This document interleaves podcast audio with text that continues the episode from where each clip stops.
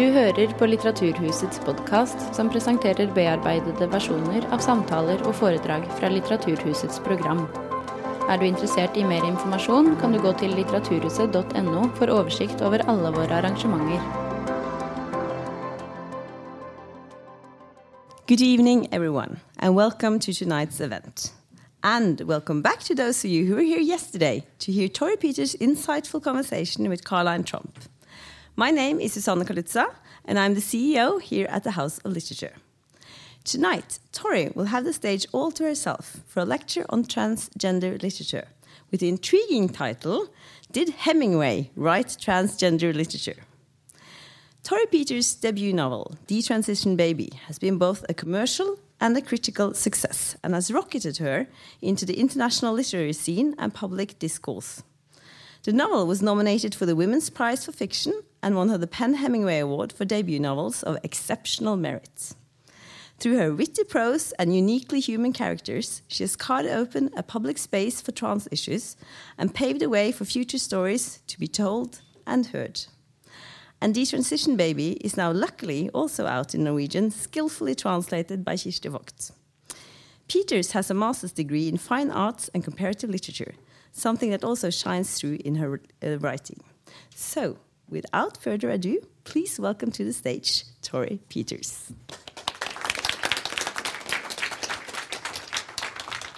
Thank you so much. Hi. Uh, hi to all the people I saw yesterday. It's nice to see you back. Thanks for tolerating me two nights in a row. That's it's like a it's a compliment. Um, I I didn't know whether it was traditional when people when offering a lecture here to uh, write write things out or just sort of give extemporaneous remarks, and so I kind of split the difference in that I wrote uh, a written piece that'll take me about a half hour to read, and then I'll just kind of offer some remarks on that subject. Um, so uh, I guess without further ado, I'll just start start uh, getting into it.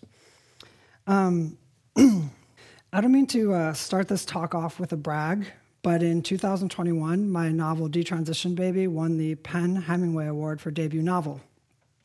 Whenever an author receives this award, a representative from the Hemingway Society, a nonprofit founded by Mary Hemingway, Ernest Hemingway's widow, interviews the winning author. In my case, the journalist Steve Paul called me up. He began by apologizing to me. Look, he said, I don't mean to offend you, but obviously I have to talk about Hemingway. And I found in your book a few references that seem a little bit Hemingway esque. He then pointed out a reference that the, char- that the, a reference that the character Reese makes to Hemingway's famous six word sad story For sale, baby shoes never worn, which my character Reese made sadder by rewriting it For sale, baby Uggs never worn. and another reference she makes to the bickering couple in, Heming- in the Hemingway story, Hills Like White Elephants. It seems to me, the journalist Steve Paul said, wincing and looking extremely nervous, that perhaps you are a Hemingway fan. yes, I said, of course I am. Oh, he said. He looked down at his questions. He didn't seem relieved. In fact, he seemed unhappy that he would have to ask me more questions about Hemingway rather than move on.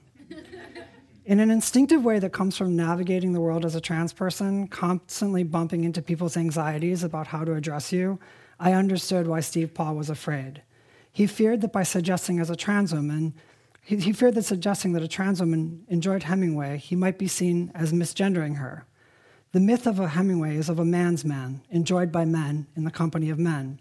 To suggest that a trans woman likes Hemingway, well, you might as well ask her about her preferred mustache waxing techniques. in truth, I can sympathize. Hemingway's reputation has narrowed of late. The name can function as a sort of shorthand for a kind of trying too hard hypermasculinity, shot through with strains of violence and misogyny. A blustery sort of insecurity about one's manhood, a manhood which must constantly prove itself, shooting beautiful big cats, boxing bare chested with fishermen on a dock in Key West, rhapsodizing about the bloody spectacle of a bullfight, discussing the proper fights, uh, top, proper techniques for lovemaking, or making a fetish of reticence, never using an extra word, deriding adverbs as obviously sissy. But this, I reassured Steve Paul, is exactly why I'm a fan of Hemingway. He works so hard at gender. He's constantly shoring it up, overperforming it, codifying it, rewriting it, making it camp before camp even existed as a term. In other words, he does the same work that trans women are often required to do to make their own gender legible in both their life and in their writing. And, I would argue, in both cases, it's the unignorable presence of gender that makes Hemingway's writing and many trans women's writing as enjoyable as it is. Steve Paul was surprised. Wait, he asked, are you saying that Hemingway writes transgender literature? yes, I said offhandedly, I guess so. To be honest, it was a sort of flippant thing that one says to a journalist, not terribly thought through, rather, an author's instinct that when being interviewed, when offered a chance to make a provocative claim, you should take it. But now, almost two years later, I've been invited here to give a talk about an author. And thinking about authors, I realized that actually I have a lot of feelings about Hemingway. It's not exactly that Hemingway has been a big influence on my writing, despite the references that Steve Paul pointed out. It's more that Hemingway has been a kind of influence on how, on how I live my life, a ghost or cautionary tale about the risks of investing too much in one's gender as a real and solid thing. So instead of the flippant response I gave to Steve Paul, I want to take the question seriously did Hemingway write transgender literature? As a side note, it now turns out that in trying to take this question seriously, I'm competing with the Hemingway Society itself, which was so disconcerted by my offhand claim that Hemingway wrote transgender literature that in direct response to it, they put out a call for papers seeking to, quote, address representations of trans and non binary experience, influence, and applications into the work of Ernest Hemingway. but to begin, I think we have to ask what is transgender literature anyway? Can one even define transgender literature? Does it have a lineage? Let me begin by telling you how I would have answered that question in 2013 when I first began writing my own transgender literature. I was 32, had begun to take hormones for the second time in my life.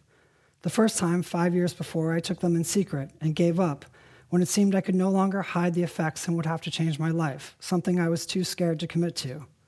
Then at 32, I tried again, and this time told everyone, which had blown up my life in exactly the way I feared, I most feared it would.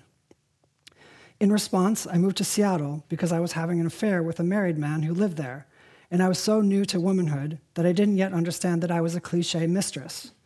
I thought that my being transgender somehow changed the rules, made what was boring and tawdry into something exciting and transgressive. I didn't understand that what can happen to every other woman also happens to trans women. While waiting around in Seattle, hoping my, for my affair to become something worth living for, I read a book called Nevada by Imogen Binnie. The book changed my life. It wasn't so much the story told as the address of the book.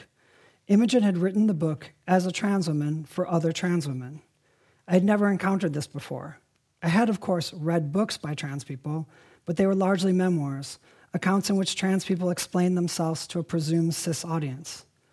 Imogen, it turned out, was part of a writing scene taking place in Brooklyn, centered around a small press called Topside, run by a charismatic, difficult trans man named Tom Léger, who, full disclosure, would eventually become my boyfriend. and then afterwards, quite tumultuously and dramatically, my ex boyfriend. Tom founded Topside with grand dreams he wanted to self consciously invent the category of transgender fiction, to set the terms for trans fiction as he envisioned it. And he took heat for this. There were plenty of trans writers who pre existed and coexisted with Topside who vehemently disagreed with him. And in fact, Tom's incessant battles of that time led him to eventually withdraw from public life. But for a time, I and many others were enthralled with his ideas. I often in my talks still gloss them. They were ideas largely present, present in black American literature, but repurposed for trans people. Think about how Toni Morrison famously and explicitly wrote for black women. By doing so, she didn't have to fold, slow down to explain herself, to explain her words, or her pain. She wrote at a full out sprint, and it turned out that everyone else wanted to keep up as well. Tom wanted trans people to write that way, without explaining themselves. He wanted trans people to raise the bar, when a trans woman writes for other trans women, she has to tell those trans women something about the trans experience that they've never put into words. If you tell them the sort of things that are new to cis people, say what it's like to inject hormones, a trans woman will yawn in your face. To show what this type of writing might look like, Tom and his co publisher Riley, another trans man, published two books The Topside Anthology, a collection of short fiction, and the novel Nevada. He then took these two books on tour, the way that punk bands might tour, sleeping on whatever couch was available, holding workshops and readings in bars, independent bookstores, anarchist spaces, pretty much anywhere that he thought he might find trans people. He was a trans fiction evangelist, forcing pens into the hands of any trans people he could find, holding readings where they were forced to listen to each other to try and express themselves, and then to reflect on how it felt to actually listen to each other. For his workshops, he had an exercise that he used to try and get people to write transgender literature the way that he envisioned it.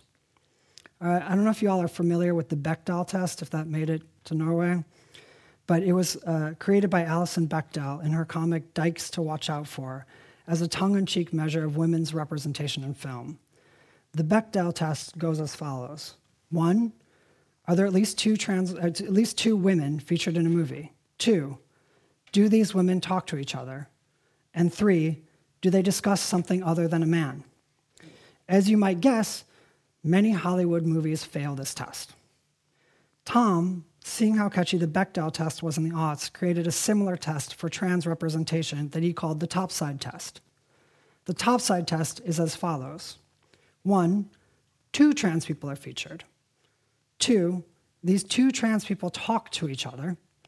And three, that they discuss something other than medically, medical transition. Most trans books of the time, even those written by trans people, fail this, uh, this test. The point of this exercise was to show writers the difference between trans people and trans culture. One isolated trans person does not make a culture. Trans people interacting about the whole of life, not just transition, makes a culture. Armed with this topside test, Tom held workshops around the country for trans writers where he had them write stories that passed this test. I met him in one, su- one such workshop in Seattle. Afterwards, we slept together. He slept with many aspiring trans writers, and a few months later, I broke up with the married guy and moved in with Tom in Brooklyn. The relationship went very badly, but in his apartment, I wrote the first of what I would call my own transgender literature. It passed the topside test. Topside, as a scene, completely imploded after about two years. Everyone was poor, Many of us slept together, so the whole thing was rife with drama and intrigue, and eventually accusations of abuse. Many of us in the scene did sex work in order to make money, in order to have time to write, and Topside did a really poor job including writers of color. It was like most art scenes, wildly imperfect, but it was representative of the era. And I believe Tom's manifestos widely changed how trans stories were told. The television show Transparent hired trans writers in the second season in response to his criticism. The Lambda Awards, the biggest LGBT literary awards in the United States, created the category of transgender fiction and awarded the inaugural award to Tom and Riley's anthology. The award has only ever been given since to trans writers writing for trans audiences. People began speaking of trans fiction on Tom's terms, even as Tom made himself more and more enemies until about six months after he and I broke up, he withdrew from all public commentary or appearances. Now most people don't know his name. But even if most people don't know his name, one finds the, the, terms of his transgender fiction entering the mainstream. So that even a magazine like The New Yorker credited the topside published Nevada for, quote, the invention of the trans novel. All of which is to say, in 2013, I would have had two definitions for trans literature. One, is it written by a trans person? And two, does it pass the topside test? So, as an exercise, let's see if Hemingway wrote literature on these terms. First criterion Is Hemingway's work written by a trans person? Well, Hemingway's mother famously dressed him up and treated him as a girl during parts of his early childhood. According to the recent Ken Burns and Lynn Novick PBS documentary, beginning in his infancy, Ernest's mother would twin him with his sister, alternating between dressing them up as boys and girls. But of course, being dressed as a girl before you can even understand the meaning of it doesn't make you a girl. So then, how about this? Mary Hemingway's diary, included in her memoir, discussed a 1953 trip to Kenya when Hemingway established a quote, new names department, rechristening himself Catherine Ernest Hemingway and her Peter Mary Welsh Hemingway. Mary's memoir suggests that Hemingway sometimes imagined himself as a woman in their sexual encounters, and on occasion, on a few occasions, styled his appearance in ways he considered feminine. His biographer, Mary Dearborn, elaborated. This is a quote. He really had a thing about androgyny and liked to switch roles in bed. Annie tells Mary, Let's play around. I'll call you Pete and you call me Catherine. She's satisfying that intense desire of his to play with sex roles that way. It took a lot of guts for him. In a way, he wanted to be a woman who loved another woman. Close quote. This revelation, which didn't come about until the 1990s, led to a small cottage industry of academics speculating about Hemingway's gender and sexuality. In books with titles like Papa Hemingway's Fetishism, in which the critics say things like, quote, Hemingway suffered from the wound of androgyny. Many of these books ended up labeling him perverse and deviant which is to say, he was insulted in the way that trans women were insulted. But being insulted like a trans person doesn't make you one. I too have been insulted this way. I've been called perverted. I've been told that my desire to be a woman is a kind of sexual fetish, that I'm not a woman. I'm a man who has fetishized womanhood to such a degree that it has consumed me. Because I'm a trans woman who has been insulted that way, I know these insults are illogical, hateful, and inaccurate. To treat Hemingway with any kind of respect means that no, just because he role played in bed from time to time does not mean that I or anyone else has the right to claim him as a particular type of person that he did not claim as for himself. And in fact, as a matter of principle, I've come to disdain the tendency to close read dead authors' diaries, hoping to catch them in some act, to anachronistically claim them as one type or another. You probably know the sort of thing I mean. Claims that James Joyce was a fart fetishist and Marcel Proust was a gerbiler, or whatever. If the actual writing does not speak to transness, I'm not very interested in the diaries. So let's check the score so far. Hemingway, still not trans, and thus not yet writing transgender literature by my 2013 litmus test. But what about the writing itself? Can we put Hemingway through the topside test? And actually, this is too is a bit hard to be definitive about. The 1986, in 1986, The Garden of Eden was published posthumously. According to Burns and Novick, Hemingway, Novick, Hemingway himself called the book too sexually adventurous to be published during his lifetime. The novel follows newly married David and Catherine Bourne as they, honey, as they honeymoon along the French Riviera. At first, everything seems very Hemingway a writer protagonist, plenty of fishing, food, wine, and like knowing allusions to war. Then the novel takes a turn. I'm going to be changed, Catherine pro- proclaims to her husband before cutting her hair, quote, short as a boy's. I'm a girl, but now I'm a boy too, and I can do anything and anything and anything, she teases him. I'm going to wake up in the night and do something to you that you've never heard of or imagined. Then a few pages later, quote, he had shut his eyes, and he could feel the long, the long light weight of her on him. He lay there and felt something, and then her hand holding him and searching lower, and he helped with his hands, and then lay back in the dark and did not think at all, and only felt the weight and strangeness inside. And she said, Now you can't tell who is who, can you? From there, the gender roles continue to evolve. Catherine, and eventually David, falls in love with another woman. Catherine has all three of them cut their hair into matching schoolboy styles, and she and her husband dye their hair the same blonde. You are changing, she tells him. Yes, you are, and you're my girl, Catherine. Will you change and be my girl and let me take you? While this already challenges the hypermasculinity of the Hemingway canon, the academic Susan Seitz says that this official public published version didn't even begin to go far enough. Far enough. In the posthumous editing of Garden of Eden, Hemingway's editors have been responsible for substantial cuts of lines, scenes. This is a quote from her. So, substantial cuts of lines, scenes, and whole chapters the addition of manuscript material that Hemingway had discarded, and transposed scenes and dialogue. Such editing has resulted in published texts which do not represent Hemingway's intentions in these works as he left them when he died. In addition to these textual issues, Hemingway was exploring new territory in both his prose style and his, in, in his view of the relationship between men and women. In his later work, Hemingway was reconsidering the male female relationship and was exploring androgyny and the reversal of gender roles. The editing of the posthumous work has not allowed these new considerations in Hemingway's writing to appear. Rather, the texts have been edited to make the posthumous work conform to the received Hemingway canon, that of the hypermasculinity, and do not allow for the new developments in both Hemingway's style and his treatment of the male female relationship. Close quote.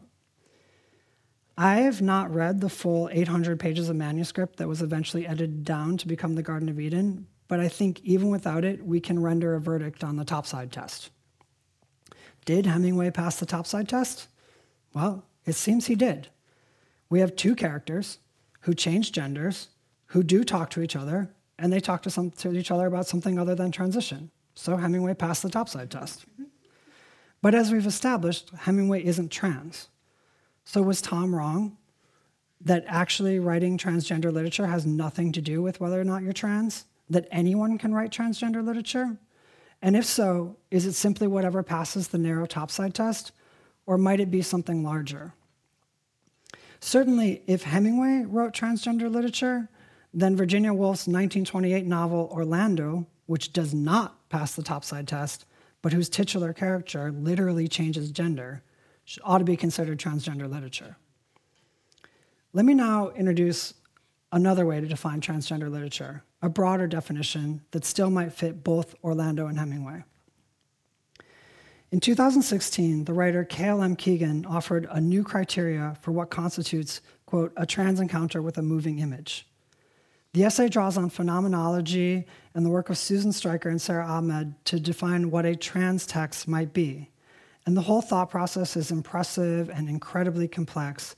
So I hope Keegan and you all will forgive me if I just simplify that big essay down to Keegan basically says a trans text is whatever hails you as a trans person.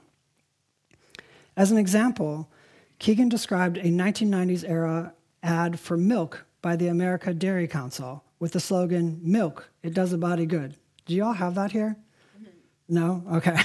well, I'll just try and get it. okay. In the ad, a young white boy, perhaps 11 or 12 years old, holds open a carton of milk. This is from Keegan's essay. This, this is a quote. The young boy, 11 or 12, holds open a carton of milk in front of a mirror. Looking down at his thin body, he queries his reflection What girl is going to go for me with a body like this? His reflection instantly ages several years, shooting up in height and gaining muscle mass, still holding the milk carton. Hang in there, Tom. I'm, year, I'm you two years from now because you're drinking milk and working out, says his reflection. Well, I'm not changing so far, replies young Tom. Older Tom swigs from the carton and immediately gets even older, taller, and broader. Hey, if the sight of yourself at 18 doesn't convince you, Tom, listen to your senior, senior year girlfriend. An attractive blonde woman enters the mirror reflection from older Tom's left, leaning into him with a seductive femininity. Hi, Tom, I'm waiting, she says huskily, clearly a sexual invitation. Young Tom immediately begins chugging from his milk. End of commercial. So that was like all over the airwaves when I was growing up. Like milk, it does a body good, and this like skinny kid who wanted to who wanted to be like big and strong and drank milk uh, was like everywhere. Uh, if you were g- growing up in like the, the 90s in the in the states, and Keegan a young trans man recognized himself in this ad. He recognized the gender dysphoria of young Tom, of staring at yourself in the mirror and despairing of what you see.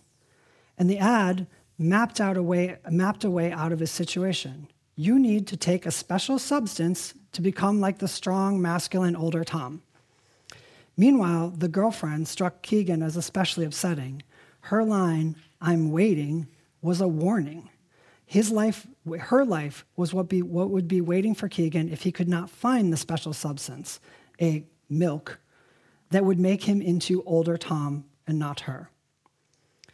These days, I happen to like Keegan's criteria for what makes a transgender text as much as I ever liked the topside test. If only because I like to imagine how the farmers of the American Dairy Council might react when they learned that they thought they were producing ads for milk, but they were actually producing transgender literature. Which is to say, Perhaps transgender literature isn't even that which would be claimed as such. It might be created by those who would actively resist the label. The most famous essay by Susan Stryker, one of the founding fathers in the field of trans studies, takes its title, My Words to Victor Frankenstein Above the Village of Chamounix, from the scene in which the monster first speaks back to its maker. In a more popular register, the writers Isle McElroy and P.E. Moskowitz have claimed Fight Club and the story arc of Carmela Soprano as texts that have, in some way, hailed them, texts that have winked at them in some special way. And then there's me. Although many of my friends find it a bit perverse, I feel hailed as a trans woman by Hemingway. And I don't mean the posthumous stuff like Garden of Eden, I mean prime Hemingway, bullfighting, fishing with machine guns Hemingway. Some of it is specific to me and inevitable, but I'd like to make the case that everyone can understand Hemingway this way. Hemingway was born in Oak Park, Illinois, to teetotaling parents. I was born in Evanston, the sister suburb to Oak Park, and home of the temperance movement. The two Chicago suburbs have remained very similar even across the 80 years that separate our births. Well appointed Victorians, green lawns, a reputation for good public schools steeped in a kind of throwback Americana. The Hemingways vacationed on Lake Walloon in Michigan. My own parents vacationed in New Buffalo, Michigan. Hemingway canoed through high school. I taught sailing at the local harbor. This is not to say that I'm drawing a straight equivalency between myself and Hemingway. In fact, the opposite. It is to say that I know his childhood, I know deeply where he came from, and that in such a childhood, one finds very scant materials at all, aside from perhaps fishing, that, we, that would suggest that he should ever become the man that he became. In other words, the man that he became, he created nearly from scratch. And this is why he hails me. He came from exactly where I came from, and he built himself entirely other to that which he was supposed to be. And even more to the point, he made himself into a kind of gender freak, a cultist of virility, a parody of testosterone induced reticence, an eerily sublime neo caveman. And even more ridiculous, he insisted he was born that way, that he had always been as he was. In his two nonfiction books, Death in Africa and the Green Hill, Death in the Afternoon and the Green Hills of Africa, he adopts a weary wise attitude to his subjects, as if he had been a cultural inheritor to a ringside seat at the bullfight, had long, always, and naturally known the secrets of the matador or the smell of lions in the grass, because it was manly to know such things, and he was a man. Despite the fact that he grew up where I grew up, where I can promise you, you will find no lions or bulls, and not even a cow And perhaps a vicious Pomeranian if you're lucky. And yet, do not ever mention that Hemingway might be failing to convince you that he is the man he claims to be and has always been so. Do not doubt that the, the gender he has adopted. Do not even note that he has adopted it. It might that it seems somehow slightly apart from his biography.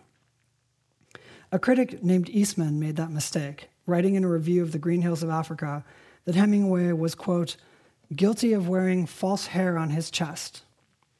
In response to this review, Hemingway stewed for four years mm-hmm. until he was able to corner Eastman at a party, whereupon he ripped open his shirt to show off how much hair actually grew on his chest and shouted, What do you mean accusing me of impotence? before slapping Eastman with a book. This guy, who's wildly offended by the suggestion of impotence, became the most famous American writer of his era by writing an impotent narrator based on himself. In his debut novel, The Sun Also Rises. And yet, who thinks a literal display of chest hair could correct a critic's literary metaphor? It's like so embarrassing.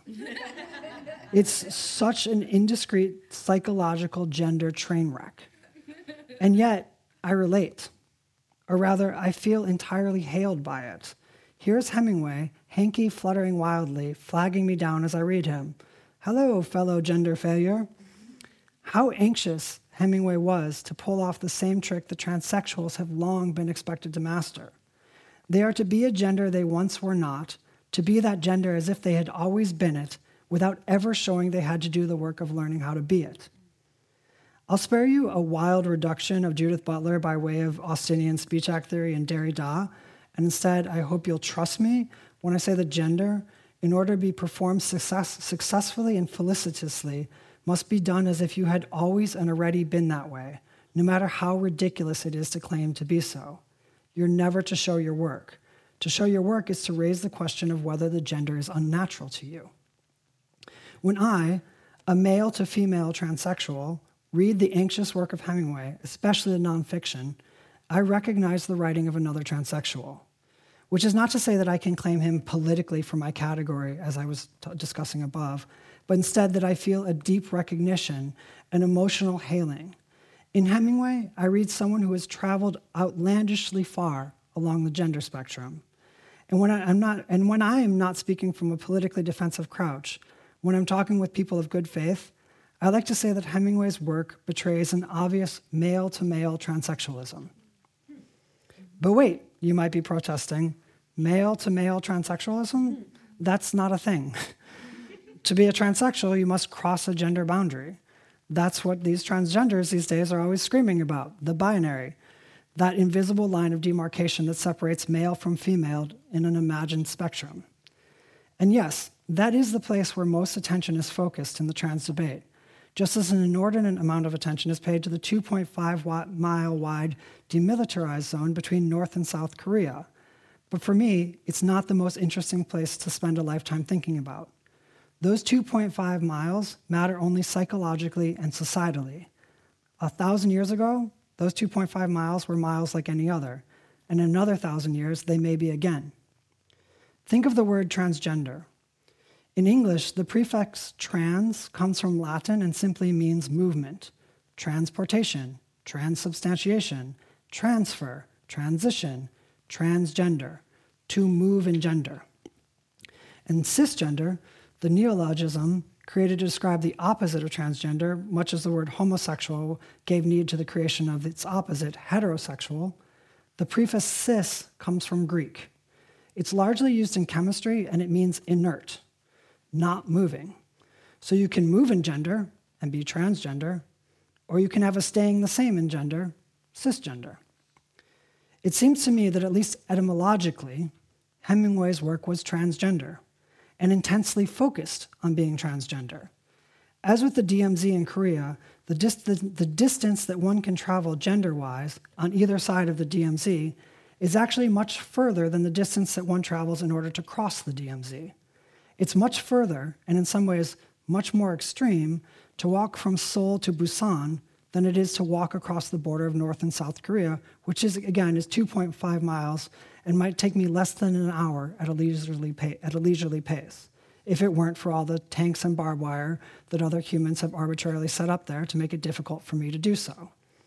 Just as a smooth stroll across the short area of demarcation between male and female might not actually be a notable trip if not for the rhetorical buildup of tanks and barbed wire.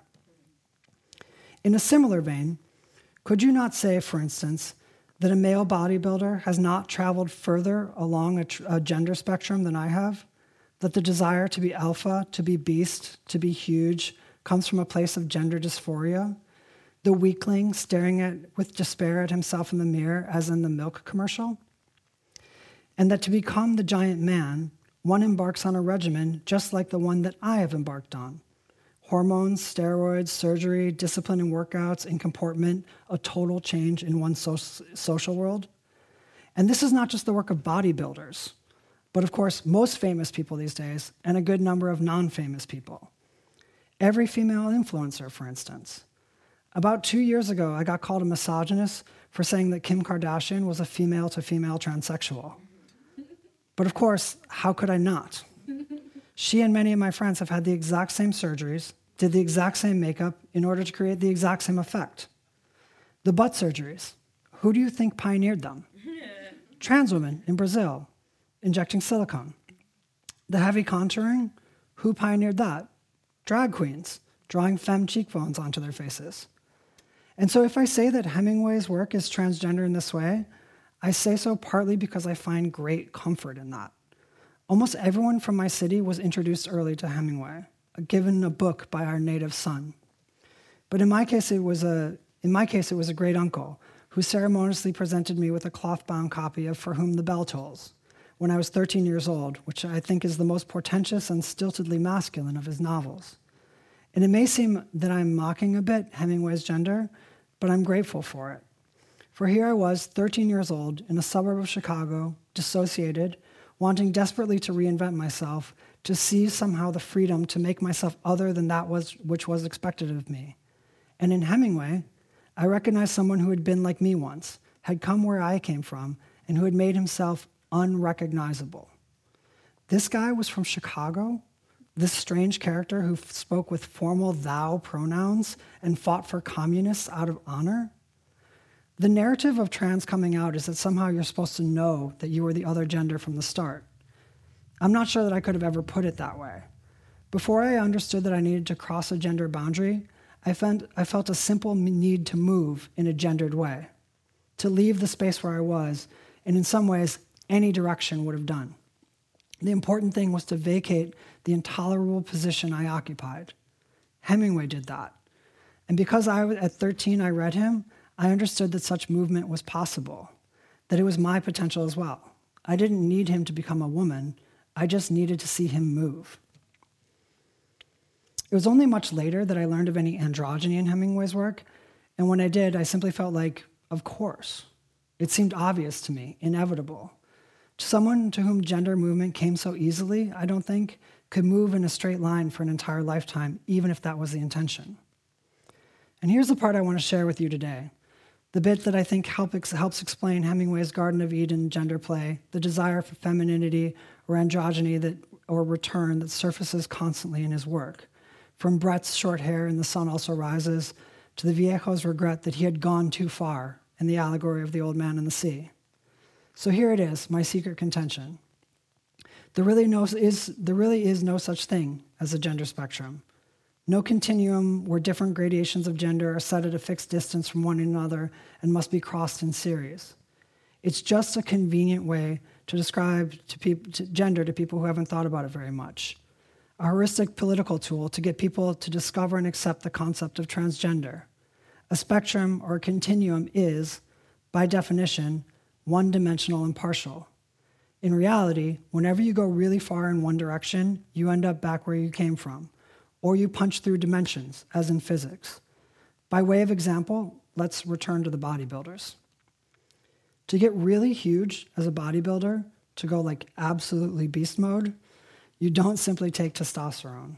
You take a cocktail, trenbolone, oxygen, Dianabol, etc. There's a whole bunch of things you take to activate every bit of your body's development. The relevant thing about these drugs is that they don't just raise testosterone levels, they hit estrogen receptors. If you go on a Reddit forum for bodybuilders, the really dedicated guys all save money for the eventual breast reduction surgery that they'll need. The drugs hit progesterone receptors as well, at levels unseen outside pregnant women, which is to say, to be hypermasculine is to have the body chemistry of a, of a pregnant woman, hmm. our society's symbol of feminine fertility. To be hyper, hypermasculine is to be ultra feminine, and vice versa. And at that point, what are we even saying? To read Hemingway is to intuit all of this, to see how far the man traveled along a gender spectrum and to see the gender spectrum collapse. It is a journey that much trans writing I have read takes, that my own book sketches a simultaneous belief in and collapse of the rigid possibilities of gender. A recognition that the work of gender belongs to anyone who has a gender and wants to become, which is any, everyone. And to read Hemingway is to reverse the progress narrative patronizingly applied to trans people themselves. To read Torrey Peters is to realize, oh, trans people, they're just like me. But to read Hemingway is to realize, oh my God, trans people, I'm just like them. Thanks, that's the, uh, that's the written part. so, uh, just want to like clarify like a few things because there's like some visual stuff in there that I want to just make sure makes sense for people. Like the uh, the whoa, what is that? Oh, impressive motorcycle. Speaking of hypermasculine, um, you know, the gender spectrum is often, often sort of I don't know if people can see, but you can even imagine it's it's it's portrayed as this, you know, ma- masculinity, femininity, and people fall somewhere in there. And the area that I think is contested in a lot of like discourse around non-binary stuff is is basically there. But what I'm the first thing I'm sort of contending, if you want to see it visually, is that like let's say this is male, this is female, that like I maybe went from here to here, this far. Hemingway went from here to like here. So who's actually moving in gender more, right? What what is and what do we actually mean when we say transgender? Why, if we're talking about movement and gender and that's transgender, why is this the place of focus other than perhaps what's the, the obsessions of this moment in society? Which is to say many people uh, along this are as concerned with gender as trans people. And the question is, you know, why this particular focus on this particular, uh, say, militarized area of gender? So, and then the other thing is the, the physics metaphor that, that, I, that I saw, and this will make sense in a few other things, is that, you know, this spectrum is, is, is literally one dimensional. And when physicists talk about wormholes between dimensions, they just fold a piece of paper in half and they're going to do this better than me. And then they put a pen through it. And now the two are touching and they're the same. And this is, this is what I read in Hemingway.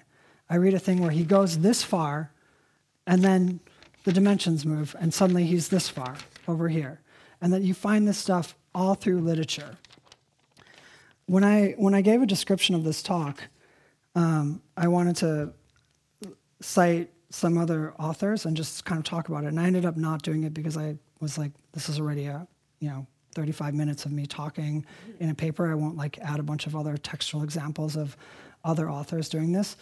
But what I find is actually that this trans way of reading things can be applied to many authors in interesting ways. If you read the protagonists, I mean, if you read Magic Mountain, like one of the things that like was very fun for me in Magic Mountain is Magic Mountain's like a perfect, a perfect wormhole book in that uh, Hans Castorp, the, the protagonist, is in love with a boy. And then uh, when he's in, in school, and then he meets a, a, doppelganger, a perfect doppelganger of that boy as a girl up on the Magic Mountain, and he falls in love with her. And it's impossible to tell if he's falling in love with her because it's a memory of the boy or the boy is a, uh, is a forerunner of her. And you have this kind of thing where the, the reason like what he's in love with isn't either the boy or the girl, and it's un- unclear whether that they're different. It's the wormhole effect. It's basically the way that gender works that Hans Castorp was falling in love with. The same thing happens in Evelyn Waugh, where um, you know the the the Sebastian character is a forerunner for the Julia character in uh, Brideshead Revisited, and this kind of lens uh, you know, I think most of me and my friends, we, we tend to read with, with this kind of understanding. And what I want to basically offer is the idea that this is a stage in the evolution of, of, of, of the development of a minority literature. And from this, I, I often cite um, Joanna Russ, who's an American science fiction author who wrote a lot about uh, women's writing. And Joanna Russ talked about this development of minority literature, in which she said uh, the first stage of minority literature, you know, she was talking about women's literature, but you could say this about black literature, you could say about all sorts of literature, and I'm going to say positive here about trans literature. The first stage of, of literature is a, is a kind of identification, a saying like, we're just like you. You should accept us. You should be nice to us. Here's why we're okay. Please, please don't, you know, please think we're, we're permissible. The second stage is a kind of rejection, which is like the punk sort of like the way you reject your parents or something. It's like, we're nothing like you. We, we, we reject you. We, we don't want you. And then the third stage is a stage where you basically say, I have nothing to do with the dominant culture. I reject the terms of the dominant culture and I have my own terms for it. And this is the kind of thing that was happening at Topside. It was why it was so uh, vehemently trans for trans. We were trying to make stories that actually were not pulled by the gravity of dominant culture. That's, that's essentially Joanna Russ's schema. But I would suggest that there's a fourth level that actually happens, which is when the dominant culture tends to pick up the lenses of the minority culture. You see this in race, where you, where you have novels about white ethnicities being, being understood and, and, and analyzed through the lenses created by black scholars and thinkers of color. You see it in queer stuff, where we understand heterosexual sexuality, the way that the de- desire works through lenses that are developed by queer thinkers. And I'd basically say, I don't know how it is in Norway, but I basically say that what's happening in the United States is that trans literature is entering that fourth stage where writers who are cis, who actually have very, um, may or may not have anything to do with trans thought, are, are using this concept of gender, which is not simply like male or female and everything's natural and that's how it is, and like bio, biological determinism, to understand their own genders. The, the book that for me was like the kind of breakthrough on this, I don't know if anyone's read it, was The Argonauts by Maggie Nelson, which was a book about motherhood using, uh, which basically she was like, what is motherhood using trans thought? And there were no trans people, or there were no, no trans mothers at all present in the book. And she understood how can we take motherhood and separate it from the biological process to understand what is actually like the kind of gender and process of motherhood. And, and um, for me, that was really shocking to, to this book because I, I thought I was sort of like, oh, we're actually at that fourth stage right now. And so one of the reasons I wanted to do the talk about Hemingway was to basically suggest that this can actually be applied to many different writers, these, these lenses, these ways of thinking. Um, the, I was going to prepare some like Norwegian writers for you all. Um, you know, the obvious, the obvious uh, go-to for this is Knausgaard, but I feel like uh, it's already been done, that one. Uh, so, but I thought that an interesting example was the Per Petterson uh, book, all, uh, Out Stealing Horses. There's an example in this. Um, I love that book. I think it's so beautiful. But if you think about the actual premise of the book, it's um, it's a guy going to a cabin, and he's when he's in the cabin, it's a lot of, and he, he's explicitly rejecting a lot of women. His daughter comes to visit him, and there's a kind of rejection happening.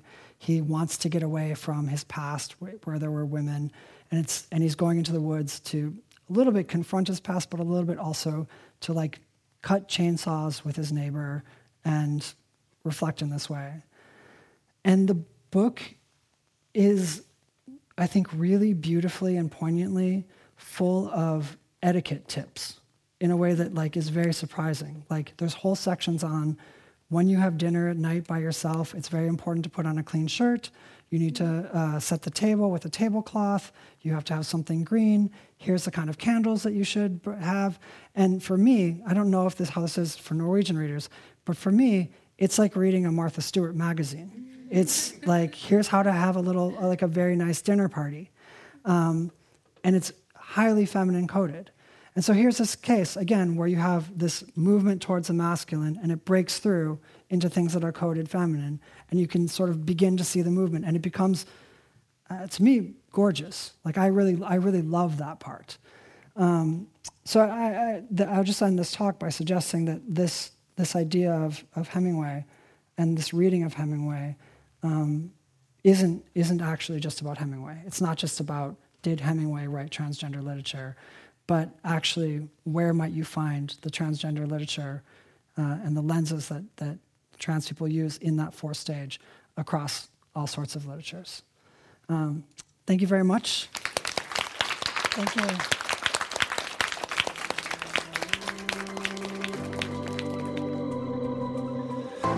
Du har hørt på Litteraturhusets podkast, som presenterer bearbeidede versjoner av samtaler og foredrag fra Litteraturhusets program. Del gjerne podkasten med familie og venner via iTunes eller Soundcloud om du liker det du har hørt.